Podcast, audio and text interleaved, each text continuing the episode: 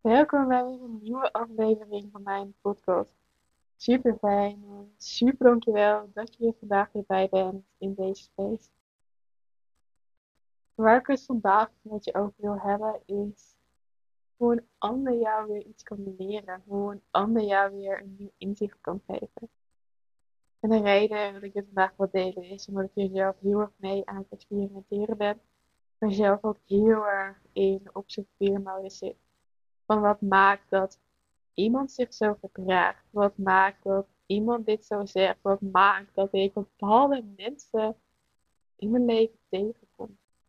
Wat maakt dat ik open sta, dat bepaalde mensen de ruimte voelen om naar mij te komen, dat mensen me aanspreken op straat? En ik ben nu in Spanje en ik ben daarin heel erg aan het observeren om ja, te zien wie er op me afkomt. Om te ervaren wat maakt dat iemand iets aan me vraagt of de ruimte voelt om, om bij mij te komen. En enerzijds zegt dat wat over de ander. Anderzijds zegt het ook altijd wat over mij. Van ja, iets trekt daarin. Een energie of een gedachte of een gevoel. En je kan natuurlijk zeggen van, ah, maar het gebeurt toevallig dat iemand je aanspreekt. Het gebeurt toevallig dat dit uh, aan je gevraagd wordt. En ergens voelt het voor mij ook altijd alsof er een reden is dat dit nu op mijn pad komt. Dat er een reden is dat, ja, dat je aangesproken wordt. En een mooi voorbeeld daarbij is vorige week toen ik op de bus zat te wachten. En nou ja, de bussen hier in zowel Spanje als ook in Portugal is één grote chaos. Waar in Nederland elk, nou, 10 minuten, kwartier een bus rijdt, een trein rijdt, is dat hier totaal niet het geval. Waardoor je echt, nou ja, moet plannen als het ware hoe laat je met de bus gaat. Omdat vaak bussen maar één keer een uur rijden. Ook nog niet eens op tijd rijden. Dus ja, je weet gewoon niet of er een bus komt en hoe laat de bus komt. Het is gewoon één groot ontdekkingstocht. Maar ik was dus aan het wachten op de bus. En ik was expres al wat eerder gekomen, omdat ik gewoon deze bus moest hebben, omdat die er zorgde voor een aansluiting op een andere bus. En ik zat daar op een bankje en ik was voor mijn aan het staren. En in één keer, out of the stond er een man voor mij. Geen idee waar die beste man vandaan komt, maar hij stond er. Hij begon tegen mij te praten in het Spaans. Toen dacht ik, ja, heel fijn dat je de ruimte voelt om het gesprek te beginnen. Maar ik versta hem niet. Dus ik begon uh, met praten in het Engels. Waarop hij vroeg, ben je Duits? Ik zo, nee, ben niet Duits. Ben wel Nederlands? Waarop hij in het Nederlands tegen mij begon te praten. En toen dacht ik, oké, dit is even zo bizar dat jij tegenover mij staat je begint in het Spaans tegen mij te praten. En in één keer schakel je over naar het Nederlands. En ik dacht echt, wie is die man? En wat maakt dat die man hier nu is? Wat maakt dat die man mij ook aanspreekt? Dus we gingen samen in gesprek. En hij vertelde ja, ik heb in Amsterdam gewoond. Uh, ik heb dit gedaan, ik heb dat gedaan. Um, ik heb een hele reis door, door Portugal gemaakt. Hij had van alles te vertellen. En ik kon erop reageren, ik kon vraag stellen. En ja, we hadden zo'n bizar mooi gesprek samen. Terwijl hij gewoon een wild vreemde was. En het allermooiste uiteindelijk is dat hij er uiteindelijk voor zorgde dat ik mijn echte bus kon halen. Zoals ik net al zei, ik was met wachten op een bus uh, die mij naar een andere bus zou brengen om uh, ja, daar een echt een lange reis in te maken. En die bus moest ik echt gewoon halen. Uh, en ik was dus aan het wachten op die ene bus. Maar doordat ik zo in gesprek was met die beste man, reed de bus voorbij. Uh, waardoor ik dus mijn bus zou missen, dacht ik. Uh, maar gelukkig was nog een andere lijn die ik ook kon pakken, die ook nog diezelfde halte ging. Dus dat was echt crossed mijn geluk geweest. Dus ondertussen had ik weer afscheid genomen van die beste man. Ehm, hij had mij nog een fijne reis gewenst. Ik had een fijne dag. En ja, toen was hij ook weer weg. Uh, dus ik kon uiteindelijk nog die andere bus pakken. En die bracht mij dus naar de bus die ik moest hebben voor de langere tocht. En wat bleek? De bus die ik eigenlijk naar mijn hoofd wilde hebben, had een lekker band. Die kwamen we onderweg tegen met een bordje uh, dat ze naar kant stonden. En uh, in de bus werd al omgeroepen door de buschauffeur dat we waarschijnlijk zouden stoppen om dus de andere mensen in te laden.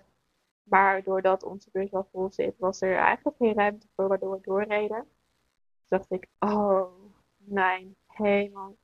Deze beste man heeft gewoon voor gezorgd dat ik de bus miste.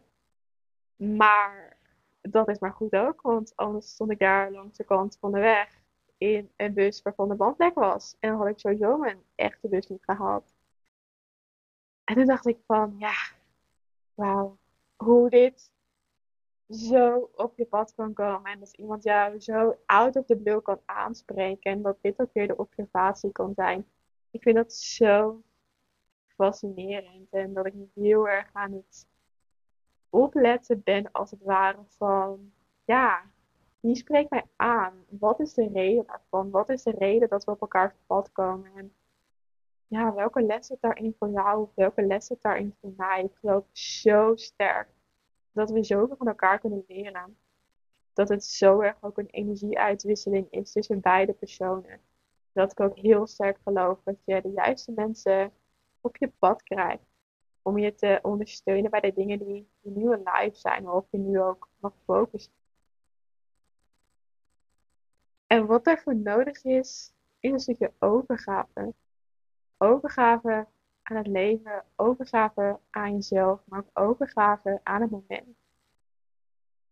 Want ik zie zoveel mensen nog controleren. Ik zie zoveel mensen nog hun leven forceren, zichzelf forceren, hun emoties forceren. Maar als er iets is wat niet kan, dan is het controleren. Want controle is een illusie. Controle is iets wat, wat onze brein maar heeft verzonnen. Maar wat voortkomt uit angst. Wat voortkomt uit ego.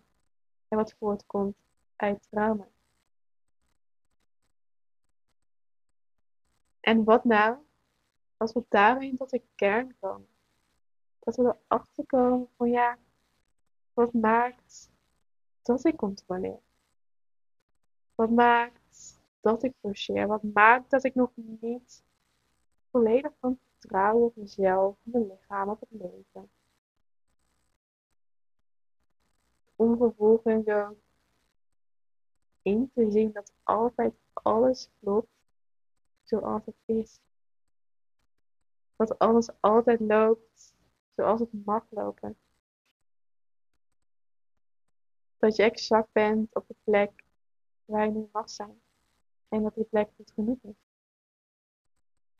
En dat alle mensen die je tegenkomt, dat dat een reden heeft. Dat er überhaupt ook een reden is dat jij nu op de plek bent waar je bent. En dat we die gift mogen gaan zien.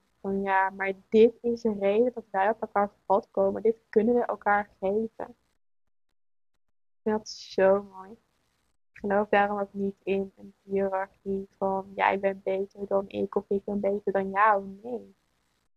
We zijn mens en hoe kunnen we ervoor zorgen dat we van mens tot mens gaan communiceren? Dat we van mens tot mens elkaar zien, elkaar alles ook gunnen. De goede dingen, maar ook de minder goede dingen. En dat overvloed daarin de essentie is. Dus bij deze ook de uitdaging naar ja, wat maakt dat jij bepaalde mensen tegenkomt in je leven? En wat maakt dat deze mensen er zijn? Wat zouden mensen jij kunnen leren? Of wat kan jij hen leren? Voor mij voelt dat zo krachtig om dat vanuit dat perspectief te zien. Want ja, niets gebeurt toevallig. Alles heeft een reden. En die reden mag we gaan zien. misschien komen er nu situaties op waarvan jij denkt of voelt van, oh ja, dit is de reden dat ik jou toen tegenkwam. Of dit is de reden dat wij toen contact kregen. Ik ben zo benieuwd. Als je voelt dat je hierover wat wil delen, laat het vooral even weten via mijn mail of via Instagram. Ga dan lekker even over brainstormen met jezelf. Ga situaties analyseren. Ga voelen ook wat het met jou doet of wat het voor jou kan doen. Dan wil ik je heel erg bedanken voor het luisteren. Super dankjewel dat je er vandaag erbij was. Mocht je input hebben voor een volgende podcast, let me know. En dan spreek ik jou in de volgende aflevering.